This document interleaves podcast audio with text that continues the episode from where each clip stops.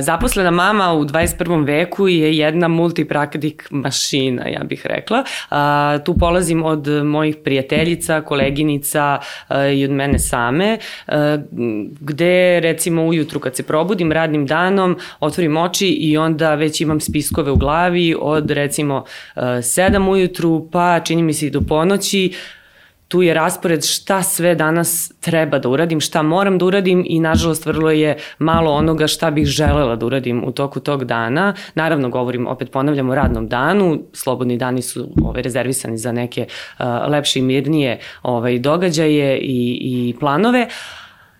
I to dosta uh, iscrpljuje mame, ali uh, ne odustajemo od naših karijera, od naših poslova, jer to je nešto što radimo za nas, a radimo isto tako i za svoju porodicu, za, za našu decu koja se ugledaju na nas i posebno naše čerke koje će jednog dana nastaviti tim putem.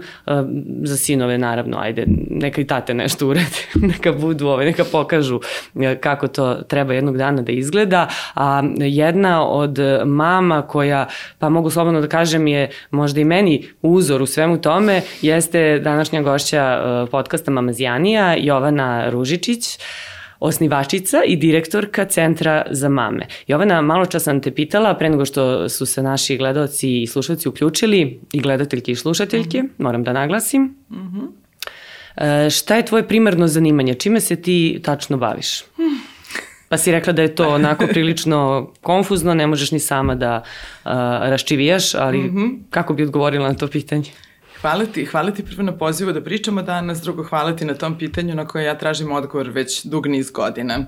E, zaista nemam samo jedan odgovor na njega, zato što sam kroz čitavu svoju karijeru uvek radila nekoliko poslova i onda je to onako pitanje samo za sebe. Da li je moja profesija ono što sam diplomirala, kasnije magistrirala ili ono gde provodim najviše vremena ili ono gde zarađujem najviše novca. E, pored, kod mene su sve uglavnom različite stvari za to. Diplomirala sam žurnalistiku i psihologiju na fakultetu koji se zove Florida Atlantic Univerzitet, nalazi se na Floridi.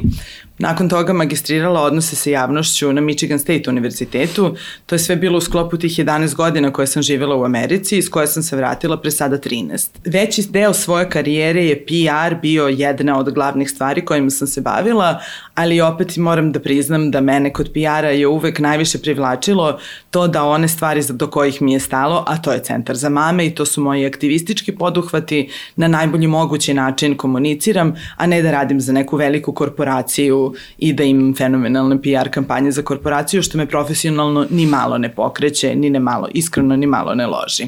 Najveći deo svog vremena profesionalnog provodim na, u organizaciji koja se zove Centar za mame, tako da je možda to ono moj, što bih rekla, ipak glavni posao, ali kada se imaju financije u vidu, Centar za mame postoji već skoro 11 godina, mi smo primarno volonterska organizacija, što naravno ne znači da ponekada ne uleti neki mali projektić, ali što se financija tiče, Centar za mame se apsolutno ne može zvati mojim poslom, iako provodim najviše vremena na njemu. Ja već preko 10 godina imam konsultantsku agenciju, mm -hmm. radim kao konsultantkinja samostalno, savetujem različite firme, međunarodne organizacije, individue, što se komunikacija tiče, a sada sam nekako u nekoj trenutni period posmatram kao svojoj narednoj fazi karijere, Deca napokon idu u vrtić, u školu, imam neki redovan ritam, oboje su krenuli sa vre, u vrtić sa tri i po godine, uh mhm. -huh. puno vremena sam provela kod kuće, svo to vreme jesam radila, ali između pauza za ovo, između pauza za ono, a evo sada već dve godine kako oni idu stabilno i stabilno mogu da se oslonim na neko vreme unutar dana, ovaj, sada sam, sada nekako ovog leta planiram da radim na biznisima koje planiram od jeseni da lansiram, koji imaju veze sa svim ovim iskustvima koje sam imala do sada, koji imaju veze sa mamama, ali su nešto novo. I jesu biznisi za razliku od Centra za mame koje je organizacija. Eto, uspela si da meni bar da objasniš čime se Ja, baš ti hvala. O, ja Morat ću potpuno... sebe da preslušam kako sam ovo lepo ispričala. e, potpuno sam oduševljena tvojom biografijom, to gde si sve živela, e, kako si se školovala, učila, borila se da danas budeš to što jesi i na kraju kao vrhunac svega toga dolaze Jevrem i Anđelija, tvoja deca. Apsolutno. Um, Centar za mame je nastao uh, kao ideja, se rodila, ako se ne varam, u Americi. Mm -hmm, jeste. Ja sam u Americi poslednje tri godine od tih 11 koliko sam provela radila za jednu zelenu nevladinu organizaciju koja je menjala zakone koje se tiču hemikalija koje svakodnevno koristimo.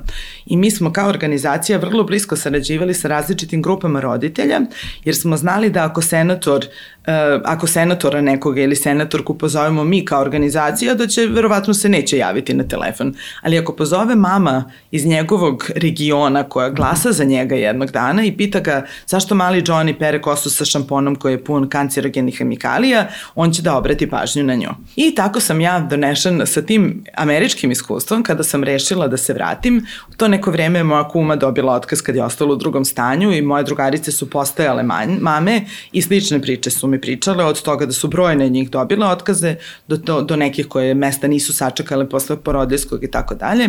A ja sam od uvek znala da želim da se bavim ženskim pravima i uvek sam znala da želim da se bavim jednom temom od nacionalnog značaja, a ovo to zaista jeste, sa tim da Centar za mame je feministička organizacija, kroz taj spektar delamo, radimo i sagledavamo situaciju, dok mi nismo krenuli da se bavimo ovim, uglavnom se o mamama u javnosti pričalo uh, samo u kontekstu koja se poznata žena porodila, e, kako balansira neka pevačica ili tako nešto, eventualno neku političarku su pitali kako ona sa decom stoji kako, kako organizuje svoje, svoje dnev, dnevne obaveze, a nekako mislim da najveći uspeh Centra za mame za ovu više deceniju koje postojimo je da, su, da smo brojne druge teme koje se tiču materinstva, mama preduzetnica, ženskog tretmana u porodilištima, radnih prava mama i tako dalje, zakona koje se tiču roditeljstva uspeli da stavimo u javni diskurs i ponosna sam na to.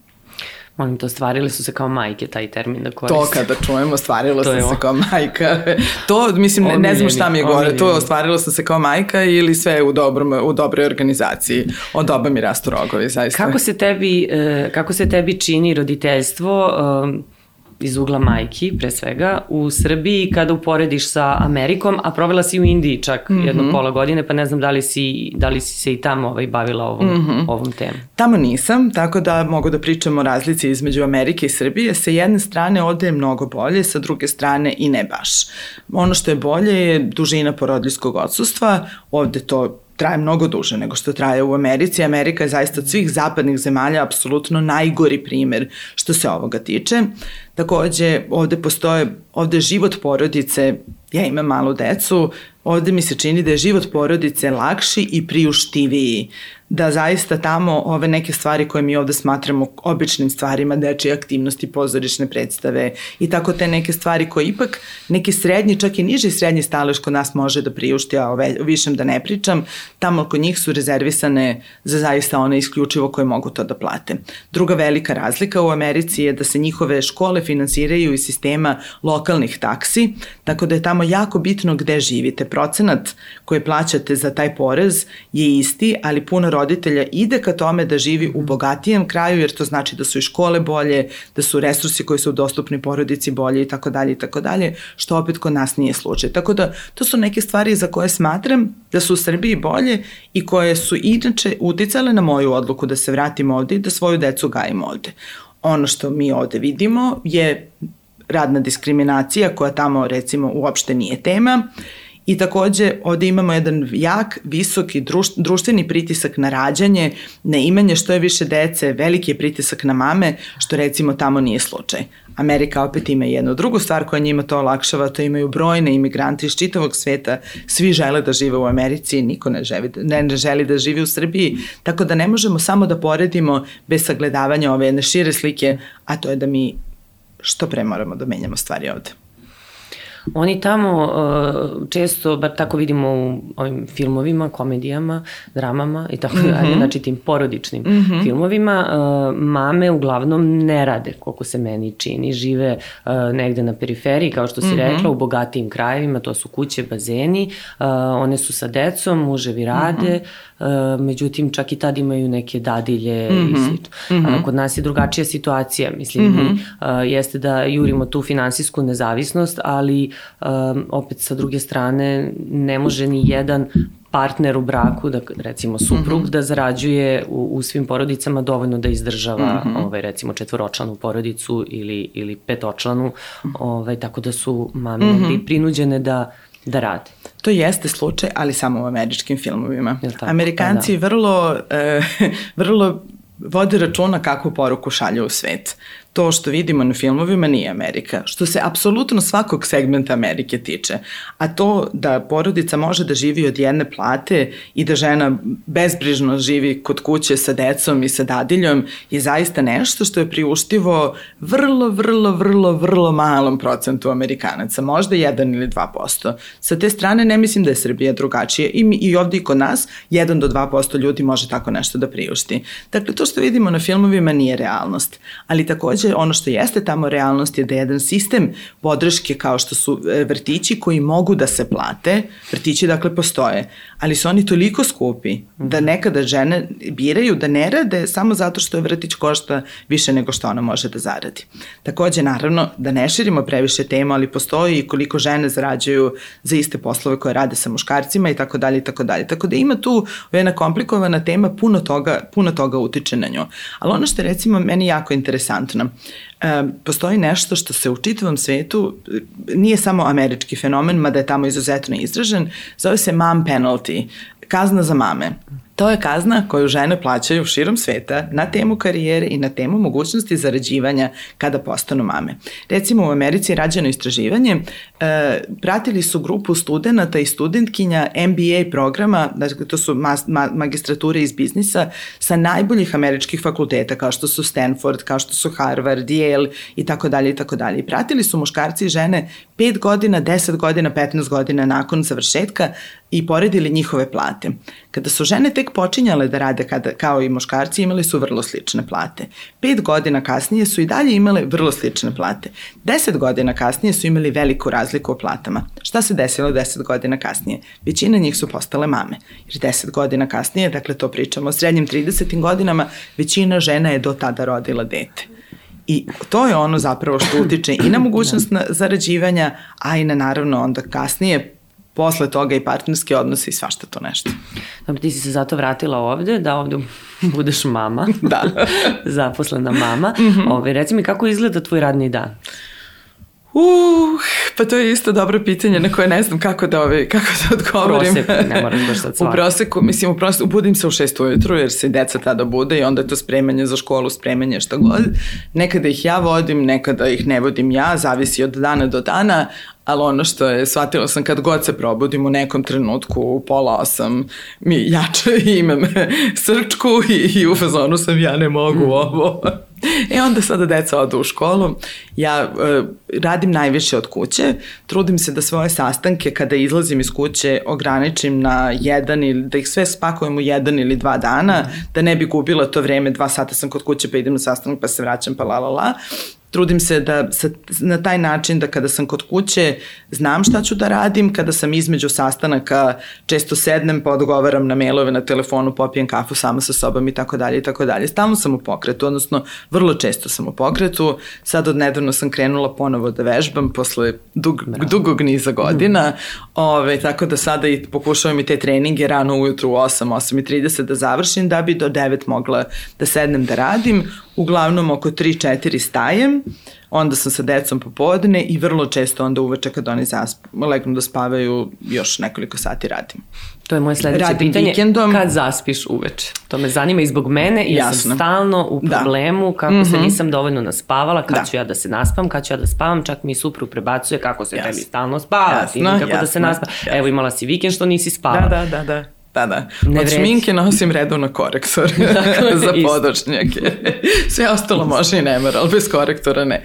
E, zavisi od, od dana do dana. E, sigurno da dva puta nedeljno kada uspavljujem decu i ja zaspim sa njima u pola deset ili deset, to se možda dešava dva puta kada apsolutno ne mogu da izdržim, a ostatak večeri sam ili radim ili jako puno čitam, Kako stižem da čitam? Tako što sam sebi to postavila kao apsolutni prioritet da moram da nađem vreme za to i čitam i nalazim vreme. Dve, tri večeri sam uveče sa knjigom na terasi ili tabletom na terasi ili gde god. trudim se malo da se družim, ne dovoljno, ali trudim se da se družim, tako da zavisi od večeri do večeri. Ali a, ako nisam zaspala sa decom, onda zaspim između 12 i 1, to mi je. Da, to nam da. je izgleda svima da. recept. Koliko je važna podrška za mamu koja radi? Pa izuzetno važno sada da li je podrška koja dolazi od porodice ili je plaćena, ovaj, blago onima koji imaju od porodice, ja imam plaćenu, ovaj, ali bitno je zaista ne, ne postoji sa ovim stilom života i sa ovim načinom života, pritom moje deca idu na dve, na jednu i po aktivnost, dakle ne idu, ne, nemaju svaki dan šta, šta sve, zaista mislim da je bitno pričati o stvarima koje ne stignemo da uradimo i da je bitno pričati o tome da ta slika koja se šalje mame koja stiže apsolutno sve apsolutno ne postoji, ajde da budemo realne i da mo, šta god možemo da učinimo da sebi olakšamo. Blago onom ko ima porodicu, ja nažalost nemam, ja imam svoje neke to, jel te, ne, nemam ni neku ne znam koliko veliku količinu plaćenih, ovaj, pla, plaćeno, plaćene pomoći, ali recimo život mi olakšava što sam se dogovorila sa bivšom babysitterkom moje dece, Ove, mislim, mi stvarno što se porodične podrške jako loše stojim, tako da mi je Ivana, Ivana mi je Ivana mi je spas, Ivana dođe dva puta nedeljno, jako mi je stalo do toga da zdravo jedemo, da znam ko odakle došla ta hrana i sve sve. Ja mrzim da kuvam. Dakle, u kuhinju bi ušla samo da smoćkam kafu, da nisam mama. Smijete Ali što se mene tiče, ako do kraja života ne spremim ni jedan obrok, to bi mi bilo sasvim u redu. E, sa Ivanom sam se dogovorila, ona dva puta nedeljno dođe, skuva nešto što je zdravo, kuvano, domaće i tako dalje i tako dalje, onda mi to jedemo još jedno, još dva, tri dana posle toga. Tako da to je ono što meni olakšava, olakšava život, jer sam recimo sebi smanjila time 10 do 15 sati, nedeljno sam uštedela Ivaninim dva, dva dolaska i u fazonu sam ne moram da vidim frizera do kraja života, smisliću kako sama da izlačim pramenove, da se šišam, ali ako bude bilo para, Ivana će da nastavi da dolazi.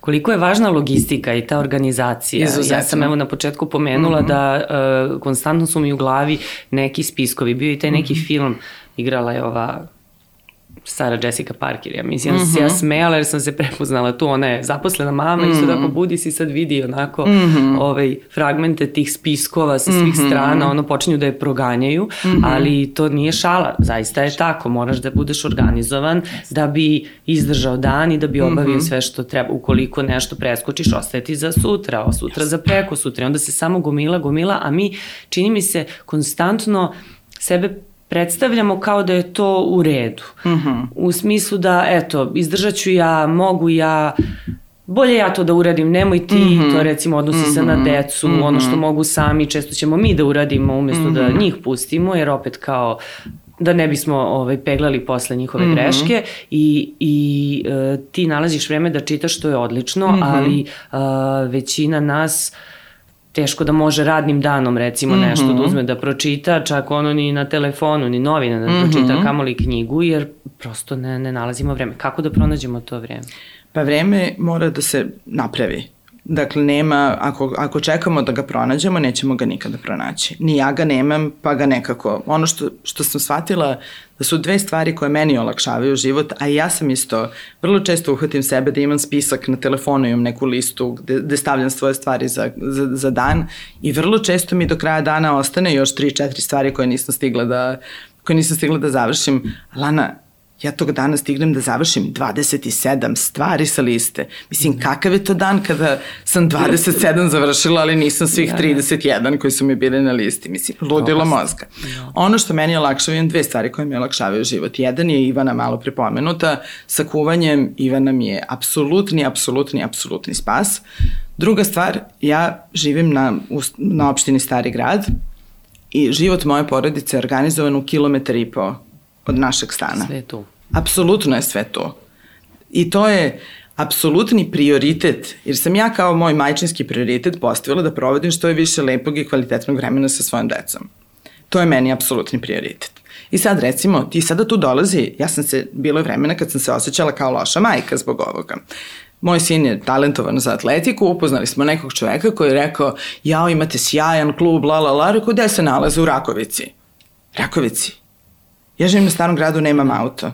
Pa rekao, izvinite, moj sin ne može da ide negde u Rakovicu. Ali zašto, gospođo, nećete valjda svom detetu da uskratite? O, da, uskratit ću mu, znate. Da, uskratit ću mu. Neće ići na trening u Rakovici, izvinite, ali to su dva popodneva. Ja želim da živim opušten život, srećan, lepo vreme da provodim sa svojim decom. I sad, da li sam loša majka zato što ne vodim svog sina u Rakovicu, pa ja mislim da nisam. Ali neko bi možda rekao da jeste. Ali bitno je, ovo je, ja se ponašam u skladu sa mojim prioritetima. Ovo su moji prioriteti. Tako je to čitanje. Moram da nađem vreme za njega. Jasno mi je, vrlo je teško pronaći vreme u toku dana, ali ako idete autobusom na posao, knjige su male, mogu da stanu u tašno. Znači uvek može da se pronađe vreme, Uvek. važno je samo postaviti Važno je prioritete postaviti i ne odustajati. I ne odustajati od njih. Meni je sad- Osim ako je nešto baš Jeste. vanredno. Meni je iskreno najveći Da. izazov sa vežbama. Sada sam nedavno ponovo počela posle mm. dužeg vremena. Mislim, puno stvari sam u poslednjih par godina. Onako sam prošla kroz jedan vrlo buran na sve načine buran period. Puno toga sam uspela da rešim, ostalo mi je još samo još samo ovo. Ali mi je zaista, Vreme, da. zaista us, us, us, us, jako mi je veliki izazov da pronađem vreme za to i evo, trudim se. Malo čas smo pomenuli isto da uh, pre snimanja uh, da si prvo dete rodila uh, sa 35, mm. -hmm. tako, i ti si prokomentarisala kako su to prave godine. Apsolutno Zašto prave. su to prave godine? Ka kako je moguće da ti izjaviš da su srednje mm -hmm. 30, je li tako? Mm -hmm. Prave godine. Za mene je 35 kad sam rodila Jevrema i 37 kad sam rodila Anđeliju zaista bio apsolutno pravi trenutak. Što se mnogo čega tiče. Prvo, bila sam zrela osoba. Znala sam da želim, znala sam na koji način želim sa njima, znala sam, jednostavno mislim da sam bila dovoljno spremna i dovoljno zrela da bude mama. Drugo, naputovala sam se nazezala, naizlazila, našvrčkala. Znači, zaista ni jednog trenutka znam kada mi kažu drugarice, jel ti nedostaje ovo, jel ti nedostaje ovo. Mislim, ne, ne, nedostaje mi. Nedostaje mi da sedim i pijem vino i čitam knjigu na terasi. Ne nedostaje mi ništa od toga. Izlazim i sada izlazim. Znači imam svoju ekipu iz srednje škole sa kojim i osnovne, sa kojim i dan danas izlazim, ali ne naravno onoliko koliko sam ranije. Ali tih prvih par godina kad sam bila zaista vezana za decu non stop, još sam dojela 100 godina. Znači sve baš smo onako bili ekipa non stop zalepljena jedna za drugu. Zaista ne, ne osjećam da sam išta propustila što sam tih nekoliko godina provela sa njima. I ono što je meni treća stvar koja je jako, jako označila u kontekstu godina kada sam ih rodila, ja se jako ložim na moju karijeru, jako volim da radim, sve, sve što radim me jako ispunjava, mislim, baš se onako, baš sam srećena sa tim što radim.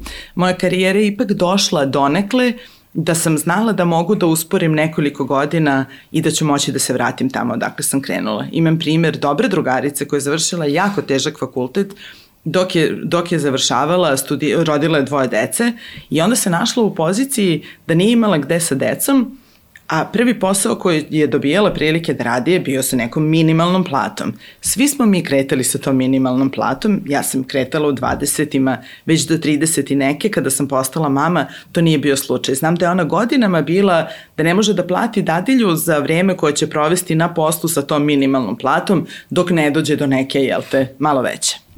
Tako da mislim da su za mene 35 i 37 je bilo sjajno. Jedna jedina stvar koja u mom slučaju sa tim godinama nije bila, odnosno, ali to znate, nik- nikad ne možeš da znaš, Moja mama je imala težak moždani udar 9 dana pre nego što sam ja postala mama.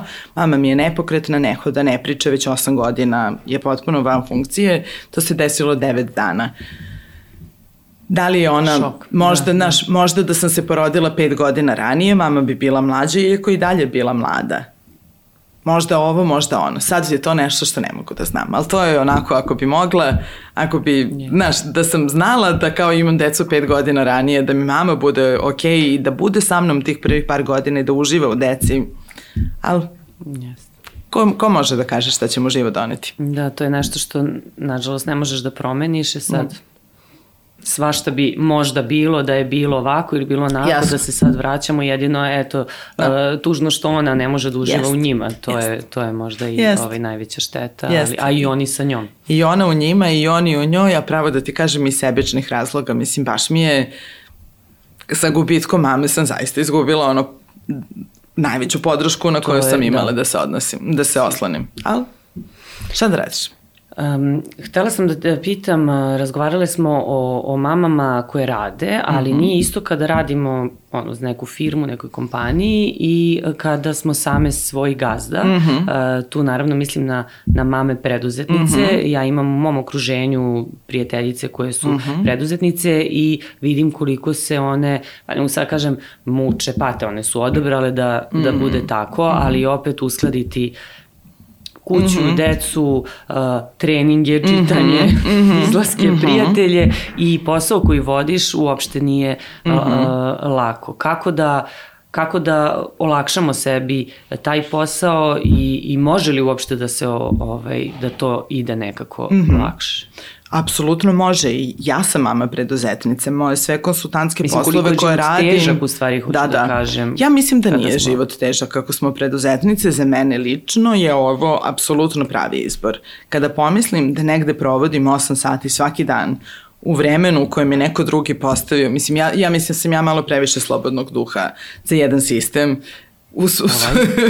pa zapravo za bilo koje. Ja sam, one, ja sam onaj lik koji voli da unapređuje sistem ovaj, koji možda deluje radikalno i svakako drugačije od, od ostatka onoga što se smatra kao prosečnim i normalnim, jel? Tako da ove, kao mama preduzetnica, jedan od razloga zašto sam birala svoj put je baš ova fleksibilnost. Jer ja ne znam kako bih mogla da radim sve ovo što radim, da negde radim za regularnu platu.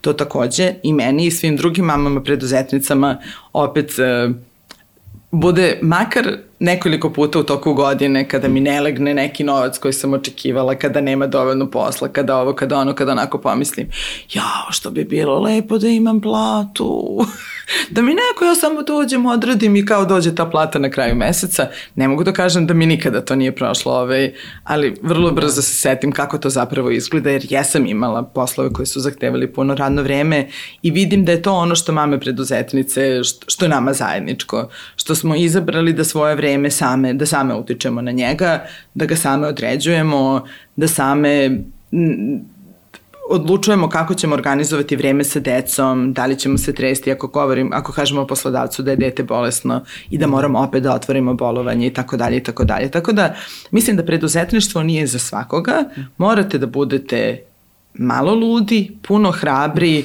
i, i vrlo dobri sa novcem. To je isto jedna jako, mhm. jako bitna stvar, jer ovaj, vrlo često kroz, ne postoji redovan tok na koji možete da se oslonite svakog meseca I ja znam, ja jako dobro raspodeljujem novac, jako dobro funkcionišem, znam i da razvučem i da skratim i sve što treba da se uradi. To je jedna od veština koja naučite kroz preduzetništvo, jer nema ista svota novca svakog meseca, pa uklapate se i, i dalje trudite da živite ok. Da, za neke je to naučna fantastika. Znam.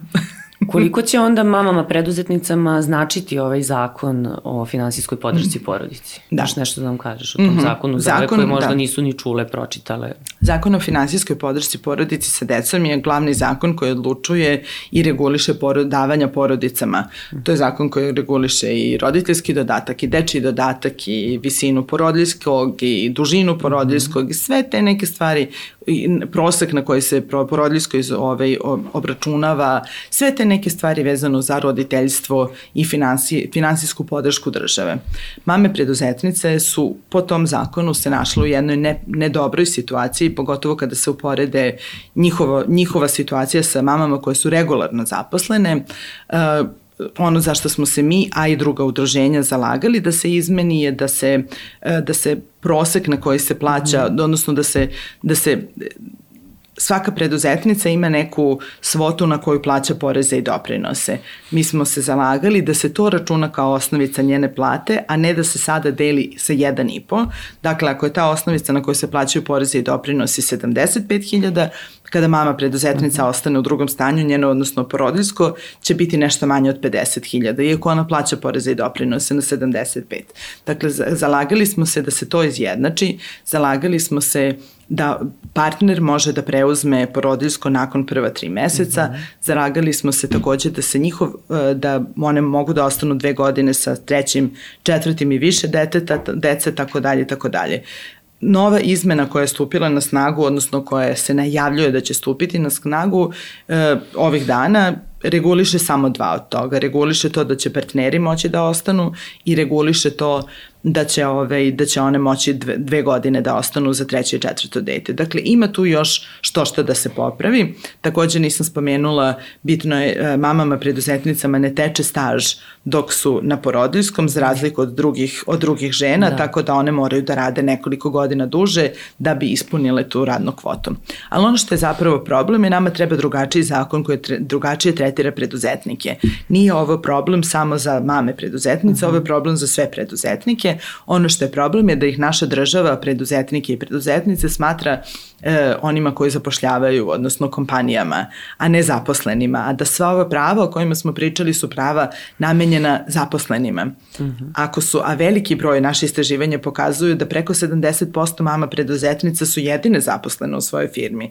One ne mogu da stave firmu u mirovanje, jer će to značiti da će potpuno morati da prestanu da rade. A ko može da priušti da nekoga dovede na platu dok je na porodljskom i tako dalje i tako dalje. Tako naše istraživanja pokazuju da većina mama preduzetnica ne koristi porodljsko tokom svih 12 meseci, a brojka koja je meni isto jako utisak ostavila iz našeg istraživanja da njih 96% ne otvara bolovanje.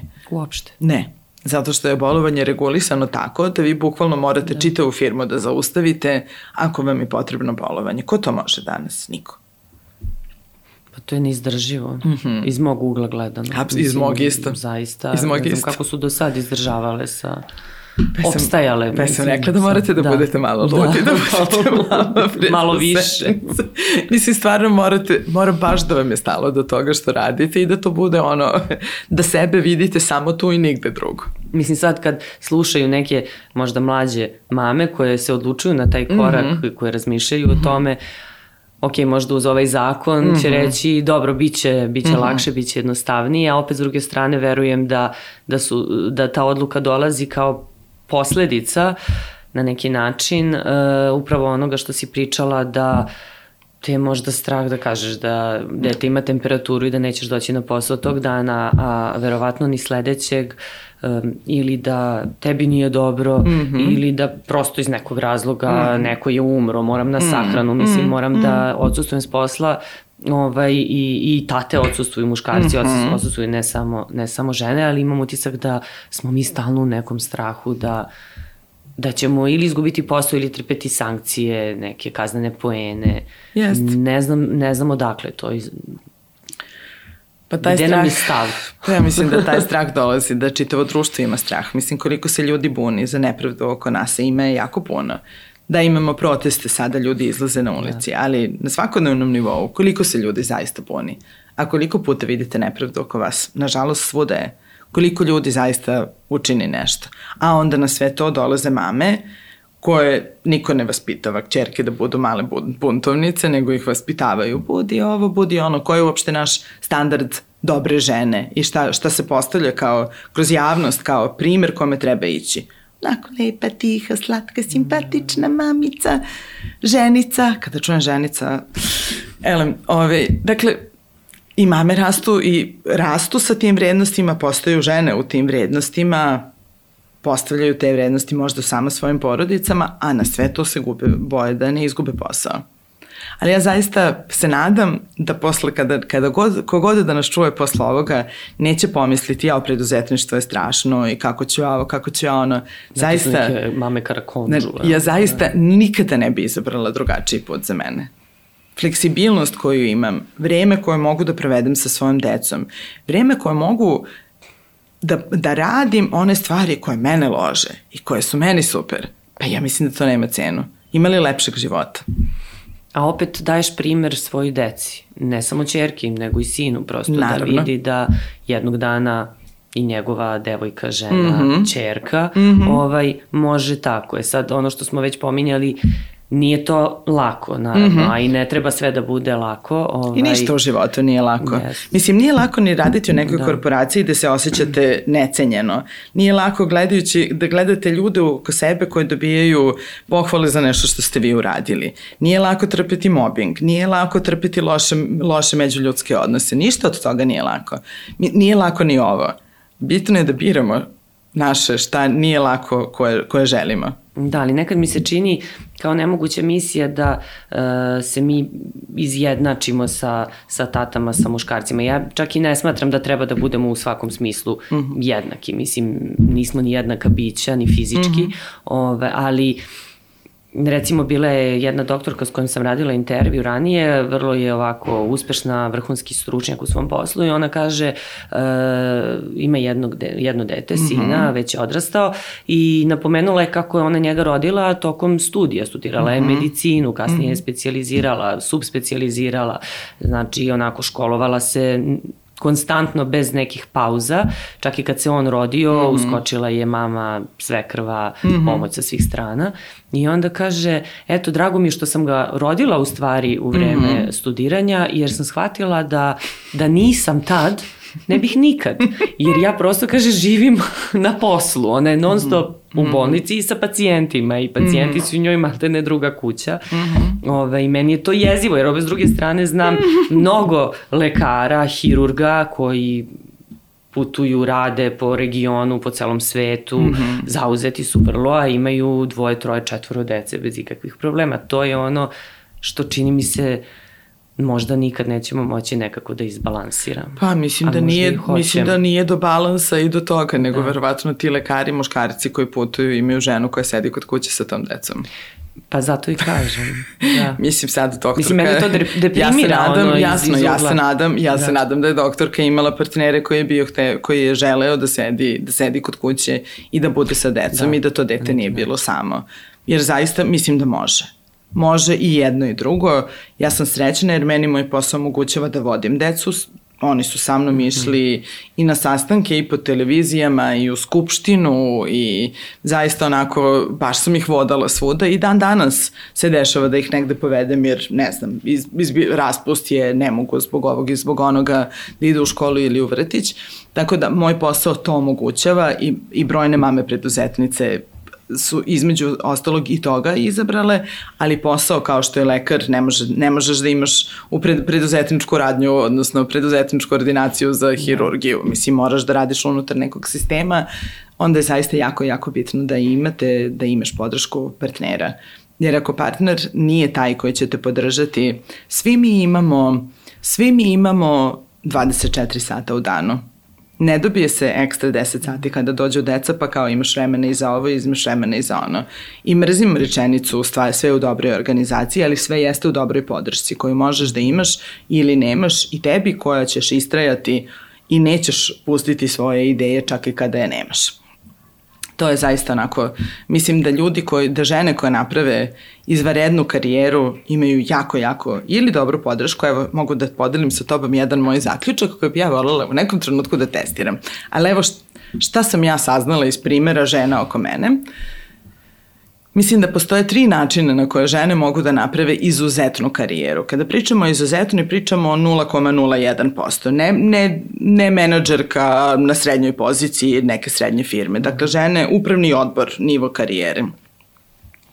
To je da, sada pričamo o ženama koje imaju decu. To je prvo da imaju partnera koji njihovu karijeru stavlja ispred svoje. Ja takvih slučajeva znam jako, jako malo, ali postoje. Okay. Dakle, ne samo ženo podržavam te super je da ti radiš, evo, da, da, daš ona kao, jel, može, jel mogu da izađem?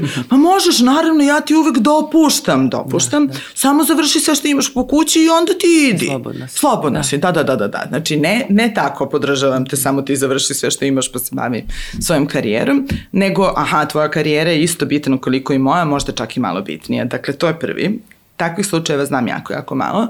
Drugi je da su samohrane mame. Takvih slučajeva ja u, oko sebe imam najviše. Su žene koje mogu da plate podršku, mogu da plate pomoć, nemaju partnera kome treba da se pravdaju zašto su ovo ili zašto su ono.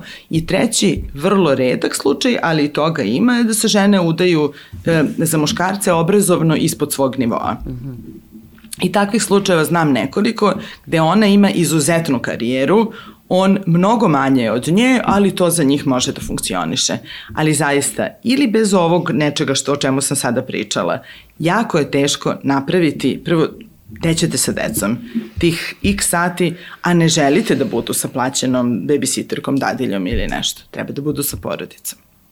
Da, ali e, u ovom našem sistemu, ne znam, možda je tako i u nekim drugim sistemu i drugim delovima sveta, malo je ovaj moment koji si pomenula da je uh, suprug, otac mm -hmm. ili nižeg obrazovanja mm -hmm. ili njegov posao je tako mm -hmm. relevantan. Mm -hmm. Ovaj, ja recimo znam par slučajeva gde je to razorilo ono, brak, porodicu, što kaže, zato što ne može da podnese. Mislim, to. to prosto sujeta komplet, to je toliko jako da čak i kad se trudi i kad objasni sebi da je u redu da žena mm -hmm. plaća račune i donosi hleb na sto, a da on mm -hmm. pomogne, uskoči mm -hmm. sa svojom mhm. platicom s vremena na vreme, jednostavno da. kao da to je ono mora... jača neka viša da. sila koja zato ne da. Zato što im jedan od mojih omiljenih feminističkih citata kaže svaki put kada oslobodimo ženu, oslobodimo i muškarca. Oslobodimo ga očekivanja da će biti ono što mu društvo nameće. Sve ovo što sam rekla može da radi. Sasvim je okej okay da njegova plata bude trećinu njene. Zašto imamo pritisak koji stavljamo na žene, drugu vrstu pritiska stavljamo na muškarce? Ne živimo više u društvu gde on ide i lovi životinje i donosi ih, a ona da, sprema, jel? Da. Mislim, zaista Bitno, bitno je da dogovor unutar porodice zaista bude dogovor i super, ja se divim muškarcima koji će reći ženo, daj da ti ja budem podrška na tome što možeš da budeš. Jer zaista, bez toga, ako imate decu, jako, jako teško. Imam drugaricu koja ima vrlo, izuzetno uspešnog muža. Izuzetno uspešnog muža koja mi je jednom rekla, znaš da je on posvetio toliko vremena porodici koliko je poslu bio bidomar. Da, Ali sve, ima nju. Sve je jasno. Da. Ne postoji. Ako hoćete to. porodicu, i da. pričam, ako hoćete porodicu sa kojom se bavite, mora neko. A teško Dobro, je. To je. Tu je stvar ove podrške koju smo pominjali i dogovora. Mm -hmm. Negde možemo da sednemo pa da se dogovorimo, da, da vidimo ko Naravno. će šta kako da doprinese i svakako pritisak ne treba da bude na jednoj osobi. Naravno. Mislim, mi to možemo da se dogovorimo i van, van sistemski, znači ne moramo da Naravno. da budemo ovaj, uh, robovi uh, imperativa i raznoraznih ovaj, nepisanih pravila. Um, pošto mi je ostalo još malo vremena, mm -hmm. ja mhm. uvek, uvek se zaletim i onda shvatim mm -hmm. da je ostalo još malo vremena. Mm -hmm. ovaj, uh, imaš još neki neki savjet, neku poruku za ove možda mame koje, koje sam ja pominjala, koje se sad odlučuju da uđu u taj svet preduzetništva, mm -hmm deca su im možda mala, pa sad ne znam mm -hmm. kako ću, šta ću, ne znam, kuća, nabavka i sad još mm -hmm. treba da vodim i, i posao. Budite hrabre, verujte u sebe, ali budite sigurni da to što hoćete da radite da vas jako vozi i da vas jako lože. Jer ako nije to slučaj, ako pokrećete nešto čisto po pokretanja radi, možda nemate baš neku ideju, ali evo otvorit ću ovo, to neće dugo da traje. Zaista ljubav prema tome što radite treba da bude prvi i glavni sastojak vašeg posla, a naravno posle toga sve. Tražite pomoć, postoji puno biznis mentorki i mentora sa strane, postoje puno različitih druženja za žene preduzetnice, povezujte se, problemi koje imate sada vi na početku ili u prvih nekoliko godina su problemi kroz koje su drugi ljudi već prošli. Možda neko može da vam ponudi neki savet. Mi smo godinama organizovali bazare mama preduzetnica, onda je počela korona, pa smo ih malo pauzirali, mhm. nadam se da će na jesen da bude sledeći, ali to je recimo sjajna prilika, takvi događaji i uopšte bilo kakva druženja za mame ili uopšte za žene preduzetnice je nešto, su mesta gde možete da dobijete slična iskustva, da vidite neko, neko je taj problem već rešio. Postoji načina, ne moramo da izmišljamo toplu vodu što se svega tiče. Budite hrabri, verujte u sebe, ne slušajte šta vam govore oko vas. Ako vam prvi put ne uspe, uspeće drugi ili treći. Nemojte jedna ideja propala, to je smak sveta, šta ću sad, ja nisam sposobna za ovo. Stalno, stalno učite. Ima toliko toga što ne znaju žene kada ulaze, ima toliko toga što ja dan danas, mislim, razlog zašto toliko čitam je da je to moj način učenja jednostavno ja na taj način primam najbolje informacije. Ne čitam samo romane, čitam i, i biznis knjige i za lični razvoj knjige i svašta nešto ja sam, ja sam još uvijek, svi smo mi proces rasta. Čitavog života traje taj proces rasta. I mislim da je jako bitno biti real, realan i realno postavljati ciljeve i realno sagledavati svoje mogućnosti. Možda u prvoj godini preduzetništva ne možemo da ostvarimo tih hiljadu stvari koje želimo, ali ajde da se fokusiramo na ovih sedam koji možemo. Pa sledeće ćemo još pet, pa onda još sedam, pa još deset, pa još dvadeset i tako dalje i tako dalje hvalite sebe. Ovo je poruka, mislim, za sve žene. Treba makar dva, tri puta dnevno same sebi da kažemo bravo, bravo, bravo za sve što si danas uspela, bravo za sve ciljeve koje si postigla, bravo, bravo Jovana, bila si na treningu, stigla si na podcast na vreme, bravo, bravo Jovana. Ali i, i isto, pričajte o tome što ne stižete da uradite, pričajte, nemojte da pritiskate druge žene sa pričama o savršenom životu. Ja, mama preduzetnica, sve uspevam. Ne uspevam, niko ne uspeva sve. Kada pričam uopšte o mamama i kada, pri, kada slušam te kao žene koje pričaju kako one sve stižu i kako ovo, kako ono, mislim, i to stvari u dobroj organizaciji. Mm -hmm. Vrlo često se setimo ove Sidney Crawford 90-ih kada je tek počinjao Photoshop. Ove, neko je pitao šta ona misli o svojim fotografijama i o Photoshopu i ona je rekla kada gledam Sidney Crawford, man, poznata manekinka, kada je gledamo na časopi, u časopisima, poželim da izgledam kao i ona. Dakle, to što se pokazuje nije ono što je realnost. Svi mi imamo svašta što ne stižemo, svi mi imamo dane kada, ne postoji dan kada sam dobra u svemu. Nekim danima sam super mama, nekim danima sam super poslovna, poslovna žena, nekim danima sam super čerka, drugarica, ali vrlo redko, mislim, nikada nisam sve u istom danu. Mislim da je bitno da i to spomenemo. Odlično i ja bih još dodala, budite istrajne, bez obzira na sve, jel? I mm -hmm. oni prioritete da ne zaboravimo. Apsolutno. Da se desi. Apsolutno. Držite se svojih prioriteta. Apsolutno. Ma ko vam rekao da ste loša mama što nećete da vodite da, sina na trening u Rakovicu. Loša, dobra sam. Kažem, dobra sam mama. Ja živim u skladu sa svojim prioritetima. Tačno, Jovana, hvala ti mnogo što si gostala u Mamazijani i vama mame i tate. Hvala što ste nas gledali i bili sa nama. Ćao. Mama! Mama!